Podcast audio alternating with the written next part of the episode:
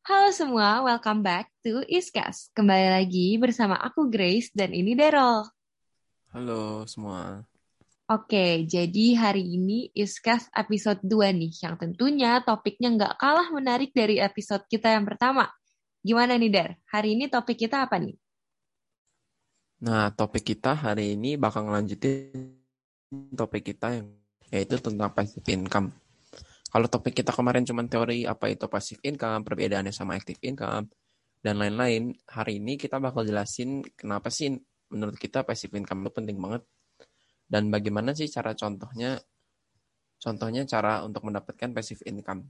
Bahkan sejak kita masih usia SMA. Nah, sebelum itu kita ingat-ingat dulu nih apa artinya passive income. Jadi passive income itu segala segala jenis penghasilan yang kita dapat walaupun kita tidak bekerja atau bekerja sangat minim. Tentunya passive income itu sesuai dengan katanya berlawanan dari active income. Tapi sayangnya active income adalah sumber penghasilan yang sebagian besar orang tuh pakai, tapi passive income banyak orang yang tidak sadar. Padahal passive income, passive income itu penting banget dalam hidup kita. Karena kenapa sih kita harus punya passive income? Yang pertama, kalau lihat dari segi ekonomi, itu yang ada yang namanya inflasi. Inflasi itu kenaikan harga secara menyeluruh di di barang-barang sehingga harga harga-harga di sekitar kita tuh makin mahal. Nah, dengan itu efeknya value dari uang kita itu akan semakin sedikit. Jadi gini contohnya. Kalau kita punya uang 100 ribu sekarang, bisa makan 1, 1, 1 sampai 2 kali di mall, Nah, pada 10 tahun atau 15 tahun ke depan, 100 ribu itu cuma bisa makan satu kali di mall. Itu sih contoh simpelnya. Nah, selain selain inflasi yang cuma sekitar tiga setengah persen per tahun, ada alasan lagi nih. Nah, sebelumnya biar alasan lebih gampang, aku pengen tanya Grace nih. Kamu ada nggak sih barang di sekitar kamu? Coba barang-barang kepemilikan kamu sebutin aja barang-barang di sekitar kamu itu apa aja? Hmm, kalau yang di sekitar aku sih ya dari sekarang lagi ada laptop tentunya, terus ada HP juga, ada charger, ada earphone gitu-gitu aja sih sebenarnya. Nah, kurang lebih aku juga sama nih. Ada laptop, ada handphone, ada botol minum, sama ada webcam. Nah, kalau kita tahu di bahasa akuntansi itu kan ada aset sama beban. Aset itu adalah barang-barang yang menambah kekayaan kita, sedangkan beban itu adalah barang-barang yang mengurangi kekayaan kita. Nah, tapi kalau bahasa simpelnya, itu ada barang konsumtif dan barang produktif. Simpelnya barang konsumtif itu adalah barang-barang yang harganya semakin lama semakin turun. Jadi, tidak menghasilkan apa-apa buat kita, hanya kita pakai untuk kesenangan, kesenangan pribadi, dan itu bisa membuat kita semakin lama semakin miskin. Kalau barang produktif, itu adalah barang yang bisa menghasilkan uang atau akan memiliki kenaikan harga sehingga demikian bisa menjadi invisible income. Tapi kalau kita lihat nih di sekitar kita, handphone, laptop, webcam, charger, earphone, itu tuh barang-barang yang konsumtif semua. Kenapa? Coba kita lihat contoh ya. Kalau kita ambil contoh iPhone nih, salah satu handphone yang mereknya udah nggak udah nggak asing lagi nih di telinga kita semua. Nah, ambil contoh iPhone 8 yang rilis September 2017. Waktu rilis iPhone 8 itu harganya 12,45 juta. Tapi sekarang udah tinggal 9 juta. Kalau iPhone XS yang rilis September 2018 dari harganya 17 juta, sekarang 13 juta. Nah, barang-barang ini kalau kita beli waktu itu harganya akan turun sehingga dengan demikian kita itu semakin miskin secara tidak langsung dan secara kita tidak sadari. Maka itu kita harus punya passive income. Karena passive income itu bisa menjadi invisible income.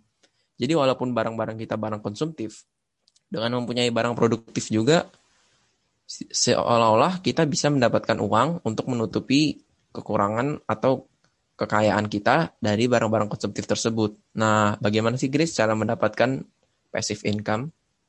Bener banget ya kata Daryl tadi. Jadi manusia normal tuh emang pasti pada dasarnya ada sikap konsumtif, manusia itu suka belanja dan sebagainya.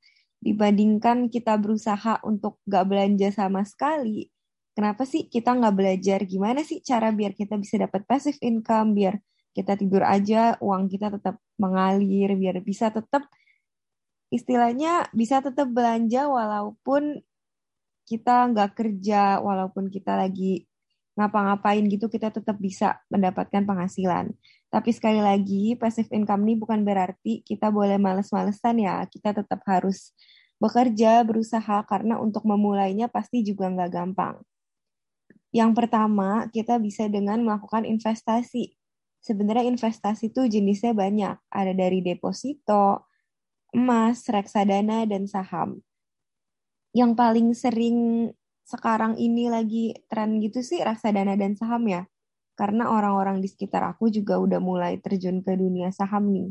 Karena tentunya untuk memulainya bisa dengan dari gadget aja bisa dengan kita download aplikasi kayak Bibit, Ajaib, iPod, dan sebagainya. Dan untuk kita yang masih berusia kayak sekarang ini, siswa-siswa SMA juga udah bisa mulai asalkan kita punya KTP. Atau mungkin kalau kalian yang belum punya KTP bisa pinjam KTP orang tua dulu atau KTP kakak gitu dan sebagainya juga udah bisa sih. Jadi sebenarnya nggak ada alasan untuk kita nggak memulai sekarang atau kalau kalian kurang tertarik di investasi, bisa juga mengikuti program afiliasi. Tapi sebenarnya program afiliasi ini lebih susah ya kalau bisa dibandingkan dengan investasi. Karena program afiliasi ini memakan waktu yang bisa dibilang lebih banyak. Apalagi kita pelajar, kita butuh waktu belajar. Afiliasi ini makan waktu kita lumayan banyak ya. Jadi emang lebih susah dibanding investasi istilahnya. Tapi nggak apa-apa kalau mau nyoba atau ada juga nih tapi kalau untuk yang ini mungkin kita sebagai pelajar masih belum bisa ya karena butuh modal yang gede banget yaitu kayak nyewain properti gitu. Kalau properti ini mungkin masih kurang cocok di kita karena satu propertinya aja harganya udah bisa miliaran kan dan pelajar kayak kita sebenarnya bukannya nggak bisa sih tapi kemungkinan kecil lah kita harus mulai dari start from a little step dulu baru kita bisa melangkah ke langkah yang lebih besar. Dan sebenarnya nggak cuma itu aja, kalau buat kalian yang sebenarnya suka bosen atau gabut lah di rumah istilahnya. Bisa juga nih kayak bikin e-book terus dijual di platform-platform e-commerce dan juga sejenisnya. Nah, kalian gak sadar mungkin hobi kalian itu bisa membuahkan hasil. Dan gak cuma itu aja, bisa juga dengan menjual karya seni digital ya walaupun bisa dibilang modalnya kecil ya karena semuanya digital paling cuma perlu beli basicnya kayak laptop, iPad itu alatnya dan bisa dipakai buat terus menerus. Tapi kalian bisa mendapatkan penghasilan yang terus berjalan dari karya-karya kalian dari hobi. Karena sebenarnya gak ada pekerjaan yang lebih enak daripada ngejalanin hobi sendiri dan menghasilkan uang gak sih, Der? Kalau menurut kamu gitu gak sih? Setuju banget kalau kita udah ikutin pekerjaan sesuai dengan passion atau hobi kita, pasti pekerjaan itu lebih enak lagi. Nah, tadi itu teman-teman adalah macam-macam instrumen investasi kalau yang dijelasin Grace. Tadi kalau kata Grace, gue jadi sadar sih, kalau tugas kita tuh banyak sebagai pelajar yang belum bisa investasi. Kalau kita belum bisa investasi, sebagai pelajar, sesuai dengan nama kita ya tugas kita adalah belajar cara investasi. Kayak misalkan contohnya saham. Walaupun zaman sekarang gampang banget investasi saham. Tinggal pakai aplikasi, ikutin aplikasi. Aplikasi zaman sekarang tuh udah pinter banget dibandingkan aplikasi-aplikasi atau penunjang-penunjang zaman dulu. Yang zaman dulu kita harus pakai koran, baca berita, melihat laporan keuangan. Nah sekarang tuh lebih gampang banget. Karena orang-orang juga sadar kalau investasi itu tuh udah udah gampang banget dan udah udah simple. Tapi kita harus juga paham ya teman-teman. Ingat, semua jenis investasi itu punya risiko. Dan semakin besar risiko, semakin besar juga returnnya. Jadi kita harus belajar bagaimana caranya supaya kita nggak rugi di investasi itu. Karena walaupun keuntungannya besar, pasti risikonya juga besar. Nah, aku jadi ingat nih sebuah kata bijak dari Warren Buffett yang bilang risk comes from not knowing what you are doing. Nah, jadi menurut Warren Buffett, untuk menghilangkan resiko kita harus benar-benar paham apa sih yang kita lakukan. Nah, aku juga tadi setuju banget. Kata Grace, kalau semua orang itu punya keinginan.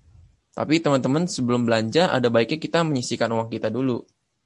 Kenapa begitu? Tadi kan Grace sempat bilang, kalau kita sebagai pelajar itu tuh bakal susah untuk membeli properti dan menyewakan properti karena modalnya bisa ratusan juta sampai miliaran. Tapi kita tuh bisa belajar bagaimana sih caranya untuk menyewakan properti misalkan tanpa modal dan itu semua ada ilmunya.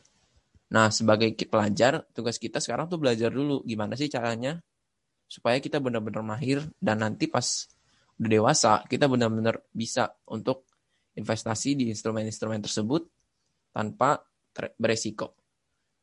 Nah, kalau kita bisa menyisikan uang kita, kita bisa mendapatkan hasil yang benar-benar keren banget di masa depan. Nih, ada contoh kisah yang inspiratif buat kita simak bersama nih. Jadi, seorang motivator dan pelatih sukses nomor satu di Indonesia, yaitu Tung Desa Moringin, pernah bercerita dalam salah satu seminarnya. Cerita ini real ya, teman-teman. Jadi, salah satu pendengarnya itu pernah bersaksi, dia bilang begini, ibu-ibu 65 tahun, dia tidak pernah bekerja sama sekali. Dan suaminya hanya PNS dengan gaji yang kecil dan tidak bisa dan tidak mau korupsi. Pada tahun sekitar 1970-an, suaminya itu memiliki gaji Rp12.000. Nah, ibunya itu tidak boros dan tidak langsung membeli sesuatu, tapi dia langsung menyisikan uang tersebut sebanyak 10%, yaitu 1.200. Dari 1.200 itu dia tabung terus-menerus dan akhirnya dalam satu tahun dia bisa membangun satu kamar kos. Tahun kemudian gaji suaminya naik jadi 15 ribu. Dan diambil lagi 10 persen ya 15 ribu. Ditambah penghasilan satu kamar kos yang 800 per bulan. Jadi sekarang ibu itu punya penghasilan 2.300 per bulan. Nah dalam waktu 6 bulan dia bisa membangun kamar kos berikutnya. Dari dua kamar kos itu ditabung terus, ditabung terus. Semakin lama, semakin cepat meningkat menjadi lima kamar kos. Lima, lima kamar kos, semakin cepat lagi jadi 10 kamar kos. Dan selanjutnya jadi 15 kamar kos, dan seterusnya. Pada hari ibu itu bercerita, ia sudah punya 156 kamar kos. Kamar kosnya elit, dan penghasilannya bisa 1 sampai 1,2 sampai 1,4 juta per satu kamar kos. Jadi kalau di total-total penghasilannya bisa minimal 80 juta net dengan dikurangi dengan biaya operasional dan lain-lain. Nah, kerennya itu dia bisa menghasilkan 80 juta tanpa dia bekerja sama sekali dan tanpa pengalaman apa pun. Semuanya itu karena dia cuman menyisikan dan investasi untuk membangun passive income dia. Keren banget gak sih Grace? Kisahnya inspiratif banget ya.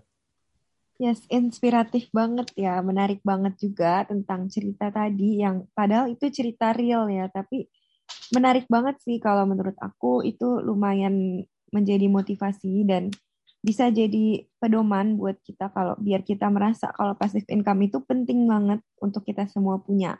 Bukan karena kita nggak harus kerja sama sekali, tapi istilahnya kita harus punya pegangan gitu selama kita hidup. Kita harus punya passive income biar setidaknya hidup kita tuh terjamin. Karena kalau active income kan kita nggak tahu dia bisa jatuh, bisa naik kapan pun. Tapi kalau passive income ini at least ada yang terjaminnya lah. Dan sebenarnya untuk memulai itu sebenarnya emang nggak gampang. Tetap perlu usaha juga ya, walaupun ujung-ujungnya istilahnya tinggal kita nikmatin aja. Kita harus nabung juga, nyisihin uang yang kita punya, dan tentunya kita nggak boleh sering foya-foya Walaupun sesekali kita treat diri sendiri tuh nggak apa-apa, tapi jangan keseringan. Maka dari itu kita tuh nggak boleh nunggu untuk dewa, nunggu dewasa dulu buat kita memulai. Kita harus mulai sejak dini, karena dari benih-benih kecil akan tumbuh pohon yang besar. Kita nggak boleh nunggu dan nunda sampai kita udah berumur, sampai kita dewasa buat memulai usaha kita sendiri. Kita harus mulai dari sekarang demi masa depan kita yang lebih baik nih. Gimana nih, kalian tertarik gak untuk punya passive income?